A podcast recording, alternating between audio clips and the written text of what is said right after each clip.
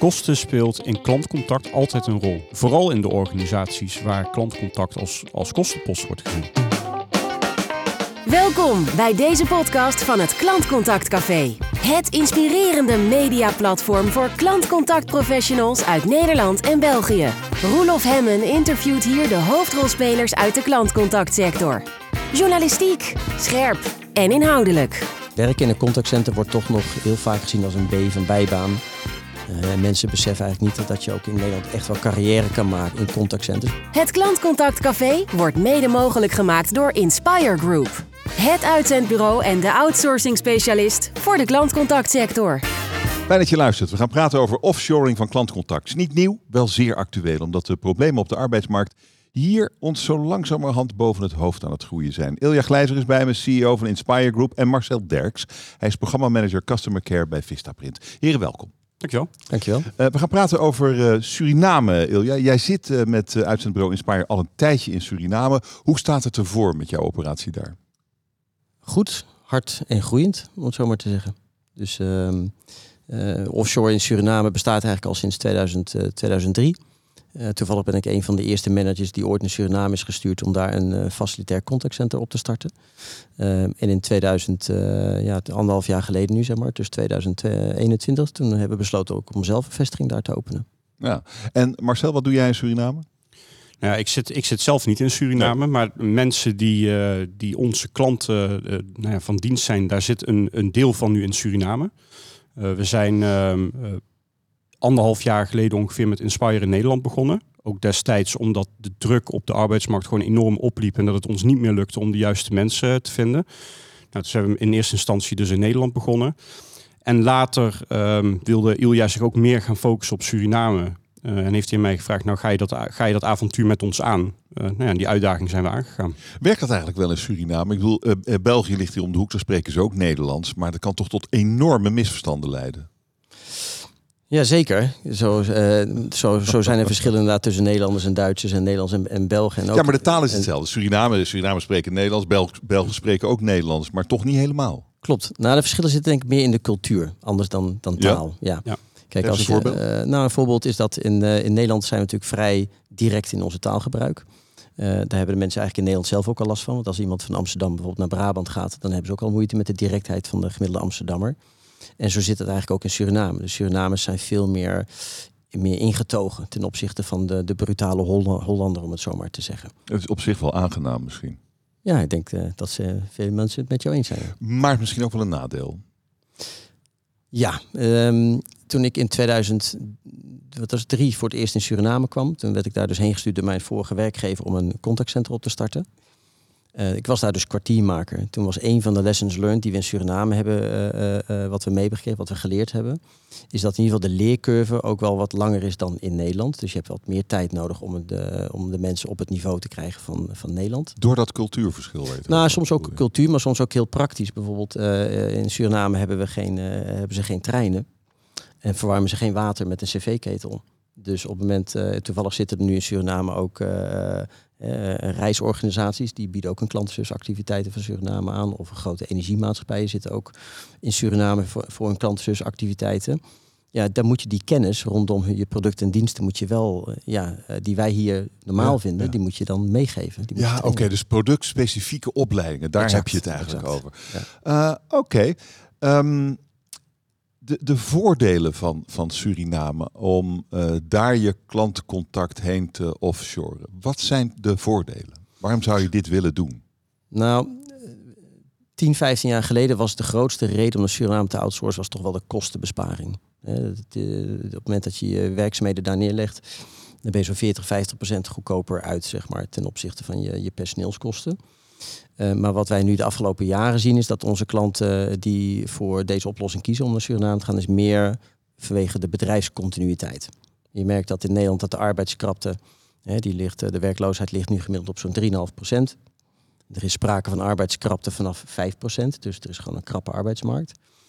En het ergste moet eigenlijk nog komen. hè. Vanaf 2025 verwachten ze een kantelmoment dat er de beroepsbevolking niet meer groeit, maar zelfs een beetje krimpt.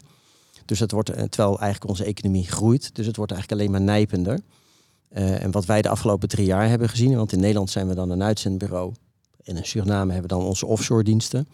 Wat wij bij onze klanten in Nederland zagen, is dat zij steeds meer te maken kregen met uh, verloop van personeel, uh, prijsstijgingen natuurlijk vanwege de, de, de, onder andere door de arbeidskrachten Mhm. en door de inflatie. Ehm, en dat, dat bedrijven steeds meer gingen kijken van oké, als ik een normaal gesproken 100% verloop heb op anderhalf jaar in mijn contactcenter.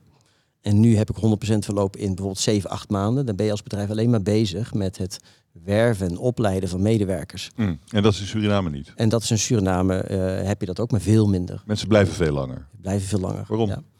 Omdat in Suriname een baan in klantcontact in een contactcenter echt een career opportunity is. In tegenstelling tot de situatie in Nederland, bedoel je? Ja, werken in een contactcenter wordt toch nog heel vaak gezien als een B van bijbaan.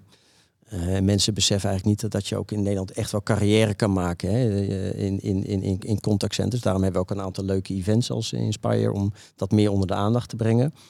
Maar eh, puntje bepaaltje is het gewoon zo dat werken in een contactcenter toch nog vaak wordt gezien als een baan voor een student of een herentrader.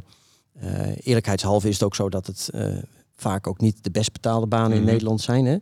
Ehm, eh, dus op zich maken werkgevers er ook misschien wel een beetje naar. En in Suriname, ja, daar, daar is het anders. Daar is een werk in een contactcenter is gewoon een goed betaalde baan. Hoe merk jij, eh, Marcel, die voordelen die eh, Ilja hier nu allemaal op een rijtje zet? Nou, ik denk dat vooral het, het aspect van dat klantcontact een volwaardige baan is. En ook de, de, de energie en het commitment die mensen dan geven aan het, de uitvoering van hun werk, die is gewoon anders.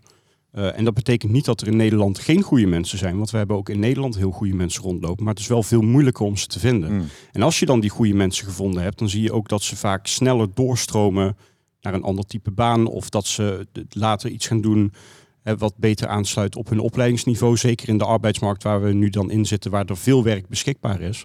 En de lonen relatief laag liggen, is het heel lastig om goede mensen te behouden. Ja, of je, of je moet het, eh, eh, het werk van een, eh een klantcontactprofessional gewoon een beetje leuker maken. Ja, maar dat is, dat is moeilijker dan het misschien in eerste aanleg klinkt. Want je bent natuurlijk wel afhankelijk van je klanten.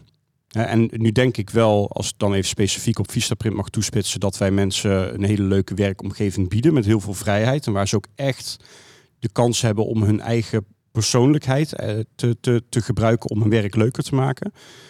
Maar dat maakt het nog niet dat het in Nederland als een volwaardige baan wordt gezien. En daar zit wel echt een probleem in. Dat mensen zich soms zelfs nou, schamen om te zeggen dat ze in klantcontact werken. Omdat Hmm. het soms toch een beetje buiten de sector lacherig over Het wordt is gedaan. interessant dat dat in Suriname dus totaal anders is. Het is goed betaald. eh, het wordt gezien als interessant werk waar je ook nog een carrière in kan maken. Ja, absoluut. Dus wat levert dat voor output op? Hoe- Wat is, zie, je een, zie je een verschil tussen de performance van klantcontactmedewerkers in Suriname en hier? De performance is, eh, is hetzelfde. Dus ook als ik, eh Ilja die stipte net even de leercurve aan. Eh, wij zien dat het eigenlijk heel goed gaat met die leercurve. En dat heeft er ook mee te maken dat eh, het klantcontact in Suriname de afgelopen 10, 15 jaar enorm ontwikkeld is. Hè, er zijn bepaalde partijen ingestapt daar. Die hebben ook ontwikkeld in de, of, of geïnvesteerd in de ontwikkeling van mensen. En daar beginnen ze nu in Suriname ook de vruchten van te plukken. ehm, doordat ze eigenlijk veel sneller op niveau kunnen, kunnen komen. En dat helemaal niet achterblijft op, op Nederland. Het is gewoon hetzelfde. Ilje, jij zit er nou eh, een tijdje en je bent er in het verleden ook al eh, zeer actief geweest. Eh, in de, laten we even focussen op de opstart eh, van je operatie daar de afgelopen jaren. Waar loop je dan tegenaan als je zoiets wilt beginnen in Suriname? Is dat, is dat moeilijk?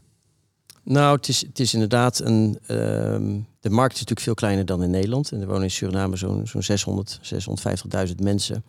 En in Nederland, voor jouw beeldvorming, wonen zo'n 400.000 mensen Ja. van de Surinaamse komaf. Hè. Dus, dus daar, daar vindt heel veel interactie eh, plaats tussen die mensen.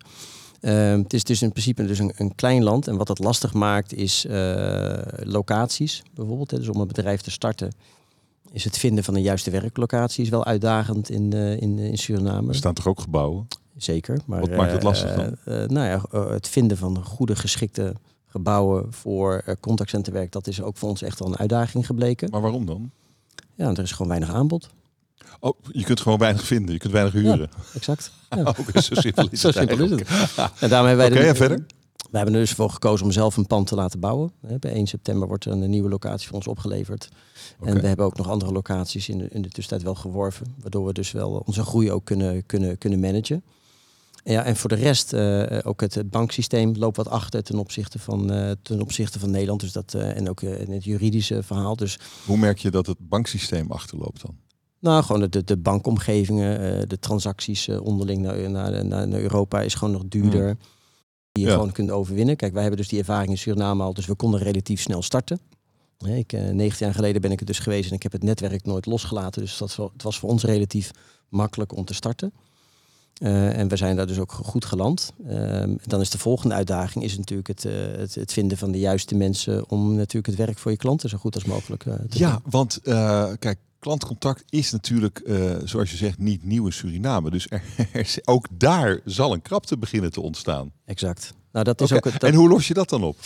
Nou, daar hebben wij, dat, dat, is, dat is op een hele natuurlijke manier gegaan. Je kunt sommige partijen zeggen, of in sommige vakmedia, lees je dat de Surinaamse contactcentermarkt verzadigd is. Er zitten vooral grote internationale formules, hè, dus wereldwijde contactcenter, BPO'ers noemen wij dat, eh, Business Process Outsourcing, die zitten daar met relatief veel werknemers. Uh, waardoor men uh, denkt ook dat die markt op, op, op, op slot zit, zeg maar. Mm. Um, maar de, dat geldt niet voor onze propositie. Wij hebben helemaal niet de ambitie om de grootste te zijn. Wij willen gewoon de beste zijn. En hoe we dat doen is doordat we ons ook profileren als een premium BPO-werkgever. En de premium houdt in Um, dat wij bijvoorbeeld ons personeel ook gewoon ja, twee keer het loon betaalt, twee keer marktconform, laat ik het zo zeggen. Dus bij ons verdienen ze een stuk beter dan bij, uh, bij de andere. Twee keer? Exact, ja, dat is een keuze. Marcel, waarom doe je dan zaken met Ilja? Als, als je, als je, dan betaal jij ook meer bij hem dan bij andere partijen. Waarschijnlijk wel. Mm, nou, dat is maar dat, nou, goed punt. Nee, ook daar een goede afspraak over. Nee, dat, is, misschien premium gaat dan twee kanten. Misschien wel leuk ah, om daarop in te haken enerzijds betalen wij ons personeel uh, beter. Ja. En hebben, eh, dat, dat gaat niet alleen om het loon, het gaat hem ook bij premievrij pensioen. Het gaat hem ook op de zorgpolis die wij volledig betalen. Desnoods voor het hele gezin als die er is. Aan de andere kant liggen onze tarieven zo'n beetje zo'n 15% lager dan de, dan de collega's. En ook dat heeft ermee te maken dat wij gewoon geen buitenlandse aandeelhouders hebben. Dus dat, ah, daar, zit, daar, daar zit het hem in. Oké. Ehm, en nou, dat is dan dus blijkbaar is dat de manier. Je moet gewoon meer betalen, maar krijg je misschien ook betere mensen. Maar dat geldt in Nederland natuurlijk ook. Ja. Je ziet dat in Nederland er ook een, een, een loonprijsspiraal en een gevecht, battle for talent natuurlijk. Dus je ziet hier ook dat bepaalde bedrijven die dat kunnen, die loon omhoog gooien om talent te binden. Dat doen wij in Suriname ook. Wij, wij betalen meer om wel het juiste talent, in ons te binden. Oké, Marcel, waarom heb jij dan, ehm, eh, als je uit zoveel partijen kon kiezen, voor Ilja gekozen, voor Inspire? Nou, we hebben in eerste instantie, je, je moet je voorstellen, onze klantcontactoperatie, die doen wij, hebben we eigenlijk altijd intern gedaan. Uh, en binnen alleen al de care-organisatie werken ongeveer 2000 mensen, verspreid over vier locaties. Uh, en wij hebben, dat is voor wereldwijd, hè, dat, mm. is niet, dat is niet alleen voor Nederland. Um, maar wij hebben eigenlijk werk nooit geoutsourced. Uh, maar op een gegeven moment begon ik als, als toen de tijd uh, operationeel manager wel tegen de grenzen aan te lopen van wat ons eigen recruitmentapparaat kon. En moest ik toch eh, gaan zoeken naar manieren om onze klanten op een goede manier te blijven, te blijven helpen. Uh, nou ja, toen ben ik uh, op die manier in eerste instantie bij, bij Ilja uitgekomen. En eigenlijk, hè, Ilja omschrijft het net als BPO, Business Process Outsourcing. Maar we hebben eigenlijk samen een heel ander werkmodel gecreëerd waarbij nou ja, de mensen die Ilja in Suriname in dienst heeft, volledig geïntegreerd worden in onze eigen teams. Ehm, en dat maakt het wel ook als bedrijf minder spannend om die stap te maken, omdat je dan meer controle blijft houden over ja, de hele reis van je, uh, van, van, je klant. Hoe, hoe, hoe, faciliteer je dat dan? Hoe doe je dat? Nou, de, de, klassieke vorm van outsourcing is dat een opdrachtgever zijn werk, hè, calls, e-mails, chat, uh, doorpoest eigenlijk naar de, naar de leverancier, bijvoorbeeld in Suriname, hè, naar, de, naar, de, naar de BPO'er. Dat is een model wat wij ook aanbieden. Uh, maar dat is niet het model waar Vistaprint en Marcel voor gekozen heeft. Zij wilden daar nadrukkelijk voor, voor kiezen dat het als een verlengstuk van de eigen organisatie voelt. En dat, dat gevoel mis je nog wel eens in dat klassieke BPO-constructies. Dus wij hebben ervoor gekozen om te zeggen van joh, weet je, wij faciliteren de omgeving. Dus uh, de housing, de mensen, het lokale management, et cetera. En uh, het stukje aansturen, dus ook KPI, KPI verantwoordelijk zijn, dat ligt gewoon op dit moment gewoon bij Vista Print zelf. Dus het, maar het zijn eigenlijk jouw mensen, uh, maar ze zijn bij hem in dienst. Ja, dat klopt. Dus, dus, ja. dus, als, dus jij kunt eh, de, de, bij jou ligt de kwaliteitscontrole, jij kunt ingrijpen als iets je niet bevalt. Of nou ja, kortom, alles wat je als wat je ook voor mensen zijn, mensen zou, zou kunnen doen eh, die bij jou in dienst zijn. Is dat een beetje het model? Moet ik het zo zien? Zo moet je het zien. En in dit, dit geval ligt de, de operationele verantwoordelijkheid bij de, bij, de, bij de manager van Nederland. Dat is Jurgen Marti. Nou ja, wij hebben in eerste instantie dit, ehm, ja, dit model hè, samen bedacht. Ik en Ilja samen te kijken, kunnen we dat überhaupt doen? Want het, het, het, het, is geen model wat veelvuldig toegepast wordt. Nee, omdat het natuurlijk nogal bewerkelijk is. Want eh, ja, het- het- waarom zou hij dat doen? Hij kan ook gewoon, eh, ik wijs nu naar Ilja, hij kan natuurlijk ook gewoon aanbieden, nou, ik regel jouw klantcontacten, punt. En daar betaal jij dit voor, Ja. punt. Maar nou, dat bleek niet voor jou niet de ideale wereld, want jij wil blijkbaar eh, controle daarop, invloed daarop. ja, dat klopt. Oké, maar eh, waarom doe je het dan niet gewoon zelf? Omdat eh, eventjes uitbreiden naar Suriname, alleen dat gaat niet. Ehm, al was het alleen maar eh, juridisch-technisch gezien. We, we, zijn, we zijn een groot eh, Amerikaanse corporate. Of nou ja, we zijn eigenlijk een Nederlands bedrijf, maar we zijn wel een Amerikaanse corporate. Ehm, en dan ben je, even tussen haakjes, maar Nederland. Dus dan kan ik wel zeggen, nou kunnen we even een locatie openen in Suriname. Maar dan word ik waarschijnlijk uitgelachen. Dus, dus je moet op zoek gaan naar, zoals eigenlijk altijd... Je moet op zoek gaan naar de juiste partners die er ook voor openstaan om met jou mee te durven denken in, in andere oplossingen. We hebben binnen Vista zelf heel erg een cultuur van, van testen en leren. Dingen mogen ook fout gaan. Nou, zo hebben we dit eigenlijk ook aangevlogen. We, we willen dit testen. We zijn er niet klaar voor om een klassiek outsourcing model toe te passen. Maar dit zou wel een bruggetje kunnen zijn om het wel gemeengoed te maken binnen de organisatie. Deze, zo zijn we deze, deze manier van werken. Bijvoorbeeld, ja. Dus personeel is van iemand anders, maar jij hebt de controle. Gebeurt in. Nederland natuurlijk ook in de vorm van detacheren. Ja, ja dat, Kijk, dat is het eigenlijk Kijk, in. Nederland hebben we natuurlijk het principe van uitzenden. Dat is kort cyclisch met het idee, je komt in dienst van de opdrachtgever. Dan heb je detacheren met het idee dat je gewoon op op contract van de detacheerder blijft. En dit model zit daar eigenlijk, eh, ja, lijkt meer op het detacheringsmodel, maar dan gewoon vanuit Suriname, waarbij we ook het lokaal management doen. Ja. En er zijn wel wat lessen, eh, lessen geleerd hoor. Kan Nou, daar wil ik naar vragen. Daar wil ik naar vragen. Want, want eh, blijkbaar zijn jullie aan het testen, Marcel. En eh, jij bent natuurlijk jij bent een tijdje bezig, maar het is allemaal nog relatief nieuw. Dus wat zijn dan de lessons learned? Nou, ik heb het vanuit de zijlijn meegekregen, natuurlijk vanuit de op, onze operationeel eh, manager, natuurlijk vanuit, vanuit Suriname. Ehm, wat ik wel heb gezien is dat ehm, Marcel gaf al aan dat Vistaprint gewoon echt controle wilde houden natuurlijk over de, over de mensen. Maar ehm, wat wij wel lastig vonden als Inspire is dat een zeker eh, de mensen uit Vistaprint waren natuurlijk nog niet bekend met de cultuur, de type mensen, want er zijn gewoon verschillen. Ehm, dus op een gegeven moment eh, hebben wij een eerste selectie gedaan van kandidaten. En eh, daar mocht Vistaprint ook in, in, in, meekijken, hè, in het sollicitatieproces. En dat was al redelijk uniek. Want in het klassieke model van outsourcing is dus dat de, de, de BPO'er, de, eh, de Ja. outsourcer, bepaalt wie er in dienst komt. Ja. Wij hebben Vistaprint en Mars ook de ruimte gegeven dat jullie ook mee mogen beslissen wie jullie op de payroll willen hebben. Wie, jullie, eh, wie voor jullie het werk gaat En uitvoeren. werkte dat goed? Nee. dat is dus. En dan, en dan eh, dat, dat, Wa- waarom niet? Nou, dat was omdat onze lokale man. Die had een hele, heeft een hele andere visie. Die, dat, hij is ook van Surinaamse komaf. Het is een Nederlandse Surinamer, maar die, die kent Suriname heel goed. De mensen. Die kon naar zijn inzicht natuurlijk beter inschatten of iemand wel of niet voor dat werk geschikt was. Ah, En eh, vervolgens werd er natuurlijk vanuit Vistaprint, die hè, participeerde in dat sollicitatieproces, maar die keek eigenlijk met een vrij Nederlandse bril naar die Surinaamse collega. Terwijl er gewoon eh, bij aanvang verschillen kunnen zijn. Snap je? In, in, Eh, in, geef, geef eens een voorbeeld. Geef het niet helemaal. nou, een voorbeeld is dat bijvoorbeeld een, ehm, eh, een Surinaamse collega, een Surinaamse eh, mensen laten niet altijd het achterste van hun tong zien. Dus op het moment dat zij in een sollicitatiegesprek zitten, er zijn er één of twee, en, en hij wordt, hij of zij wordt getoetst op ehm, nou, hoe je bijvoorbeeld om, omgaat met klachten of bepaalde medewerkers, dan, eh, dan wordt er een casus voorgelegd. En als je zo'n casus aan een Nederlander voorlegt of aan een Surinamer, dan zijn er in, bij aanvang zijn er gewoon verschillen. De Surinamer zal het misschien wat zachter aanvliegen dan de Surinamer of dan de Nederlander. En die Nederlander zal veel sneller geneigd zijn om bijvoorbeeld eh, nou, sneller naar een, eh, naar een bepaalde oplossing te grijpen. En dat moet naar elkaar toe gecoacht worden. En eh, eh, dus uiteindelijk komen de Nederlandse en de Surinaamse collega's op, één lijn terecht. Maar het kan zijn dat ze vanaf het vertrekpunt anders naar die, naar die casus kijken. Oké, en dat zagen jouw mensen niet. Nou ja, precies in het voorbeeld wat Ilja aangeeft. Ja. Hè, dat, dan, dan kun je misschien de indruk krijgen van nou iemand is helemaal niet assertief genoeg om dit type werk te Ja, kunnen ja, doen. Terwijl dat dan eigenlijk veel meer met educatie en opvoeding en cultuur te maken heeft dan dat het niet aan te leren is. Ehm, of het feit dat misschien iemand wel al eh, ervaring heeft in een contactcenter of, of in de horeca. Zijn werelden die eigenlijk heel dicht bij elkaar liggen. Ehm, maar daar bijvoorbeeld heel transactioneel werk doet.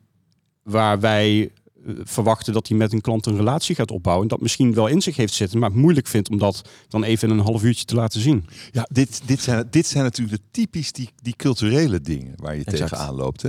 Ehm, nou, dat is interessant. Wat is er nog meer? Want jij zei, eh, Marcel, je bent een beetje aan het testen, kijken, kijken hoe dit loopt. Wat, wat is je eerste indruk? Hoe gaat het? Wat zijn de eerste, de eerste bevindingen? Nou, in principe is het zo dat, kijk, in het begin opstarten is altijd aftasten. Dus wij hebben ook in het begin gezien dat je, je moet de profielen op elkaar gaan afstemmen. Dan heb je misschien wat, wat verloop erin zitten. Maar ook door die recruitment heen ga je elkaar beter begrijpen. Je gaat het profiel beter begrijpen. Waardoor we nu ook zien dat we een stabielere groep beginnen te krijgen. En dat ook de leercurve van die groep gelijkwaardig is aan de leercurve van mensen die we in Nederland in het verleden inhuurden. Dus het, het, het gaat echt de goede kant op. En, En- we en willen dat- dit ook gaan, daarom verder gaan, gaan Ja, ja. doortrekken. Dat we daar echt een volwaardig team hebben zitten. Oké, en dat voor de helft van het geld zo ongeveer.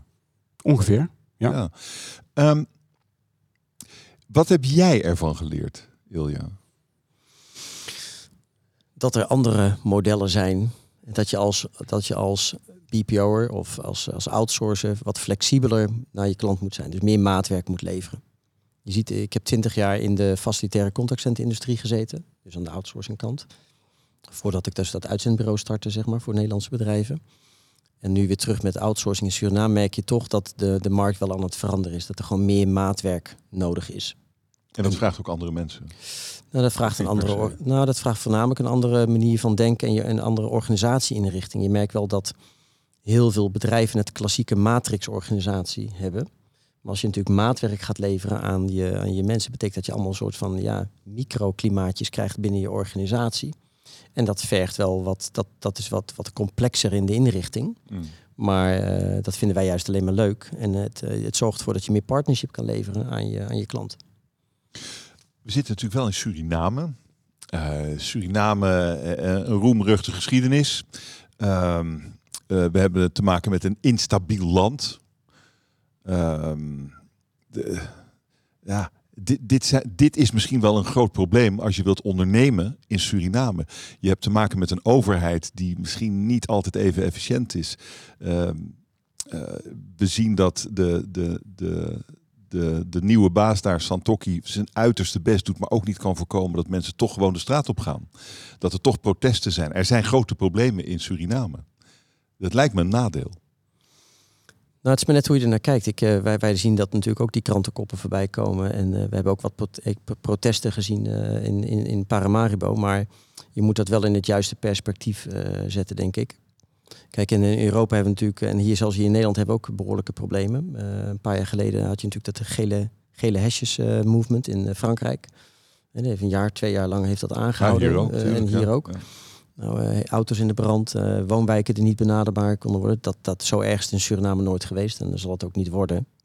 In Nederland hebben we natuurlijk de blokkeerboeren gehad, eh, de, de fakkels bij de ministers. We hebben aanslagen gehad in, in Brussel en zelfs in Nederland, in Utrecht, de tram. Eh, dus als je het op die manier vergelijkt, is het, elk land heeft wel zijn interne Als je het zo op een rijtje zet, vraag ik me af waarom zit ik niet in Suriname. Exact. dit, dit, dit, is, dit is interessant. Eh, maar zijn er misschien andere dingen? Kijk, een, eh, ik, ik, ik weet niet veel van Suriname, maar wat je erover leest, de overheid is misschien niet altijd even strak en misschien ook niet altijd even zuiver op de graad. Wat zien jullie daarvan, Marcel? Nou, kijk, de feit blijft natuurlijk, kijk, Ilja onderneemt in, in Suriname en, en levert de mensen aan ons. We hebben, we hebben hier wel veel contact over, we praten hier ook veel over. Ehm, wij hebben zelf in de dagelijkse business hier totaal geen problemen mee. Hmm. En jij, Ehm, Ilja? Nee, wij ook niet. Wat je eigenlijk ziet is dat Uh, Suriname is natuurlijk, er is inderdaad uh, uh, politiek wanbeleid gevoerd. Dat lag niet aan Santokki, maar aan de, aan het, ja, de, de, periode van de, de, voorganger inderdaad. Dus het land moet nu opkrabbelen op basis van IMF-leningen. dat is op politiek niveau. Maar op bedrijfsniveau hebben we er, is er geen last van. Sterker nog, er wordt op dit moment ontzettend veel bedrijven maken gebruik van Surinaamse medewerkers. Er is heel veel werkgelegenheid vanuit Nederland op dit moment dat naar Suriname afgeleid, zeg maar, of daar, dat daar geïnitieerd wordt. En wij merken ook dat mensen daardoor gewoon best ook een, een goede boterham kunnen verdienen. Dus, um, dus er is een groot verschil op het uh, probleem op politiek niveau dan op uh, consumentniveau, publiek niveau. En, en voor een ondernemer is het eigenlijk prima te doen daar, zeg je? Ja, je merkt wel dat de, als je kijkt naar personeelsoplossing, dat de arbeidskrapte, uh, de personeelskrapte, die, die speelt daar ook wel een beetje. Ja. Hè? Dus, uh, maar hebben wij niet zo last van door onze propositie, de manier waarop wij mm -hmm. in de markt staan. Um, uh, en natuurlijk, uh, dat moeten we niet bagatelliseren, die protesten zijn natuurlijk niet voor niks.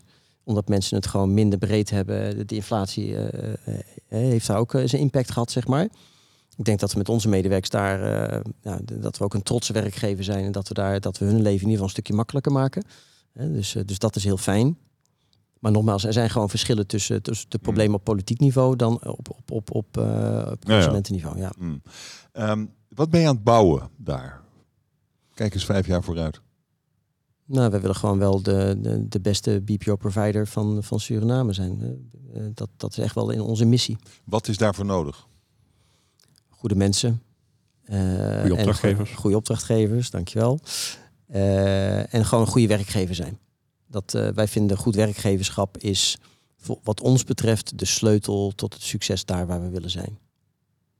En ik proef aan jou, Marcel, dat dit voor jou ook wel toekomst biedt.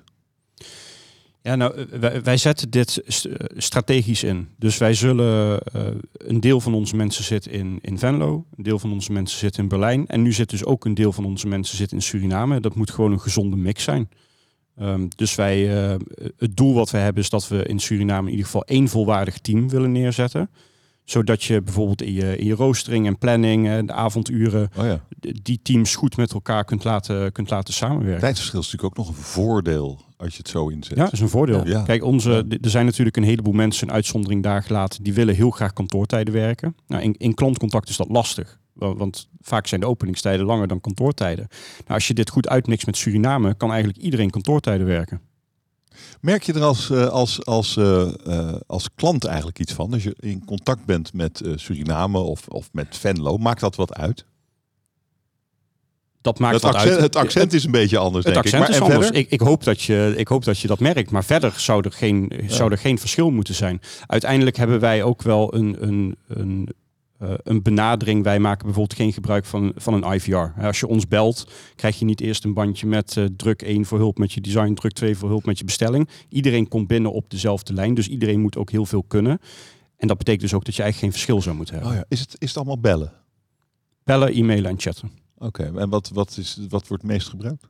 Bellen, nog steeds. Wij zien ook wel een verschuiving naar chat toe. Dat komt steeds meer, maar bij ons is bellen echt nog steeds het primaire kanaal. Oké, okay. is dat ook de toekomst?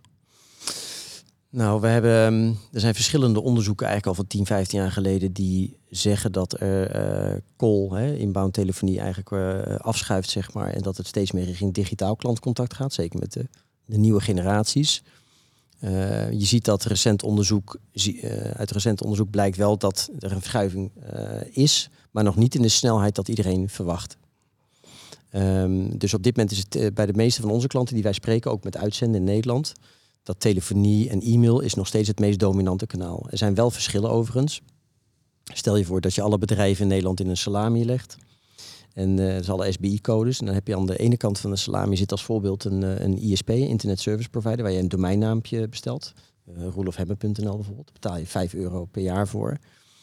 Op het moment dat jij dan uh, daar een website aan wil koppelen en je snapt eventjes de technologie niet en je gaat bellen met die ISP, dan uh, door de beugel genomen kost een klantcontact uh, met alle kosten inbegrepen zo'n 5, 6 euro.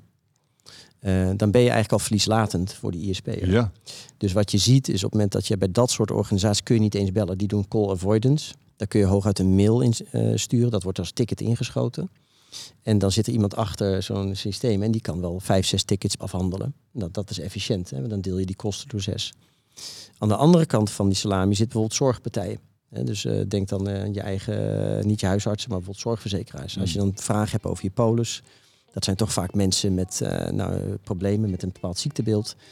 Ehm, ja, daar werkt self-service op dit moment gewoon nog veel minder. Dus daar zit vaak de, de, het menselijke klantcontact is daar nog heel erg dominant. Daar zit het empathisch klantcontact. En ja, eigenlijk heel Nederland, alle bedrijven zitten ergens in die salami. En soms is jouw dienstverlening leidt ertoe dat je wel bepaalde zaken kunt automatiseren, digitaliseren. Maar een deel van je dienstverlening ook niet.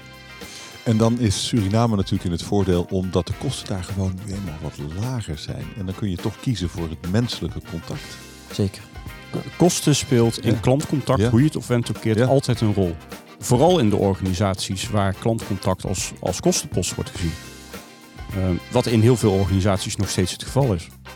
Ik stel voor dat we eh, deze, deze eh, eh, podcast over een uh, halfjaartje gaan uh, updaten. En dat gaan we dan doen in Paramaribo. Nou, dat zou uh, vind ik een uitstekend idee. ik uh, verheug me erop.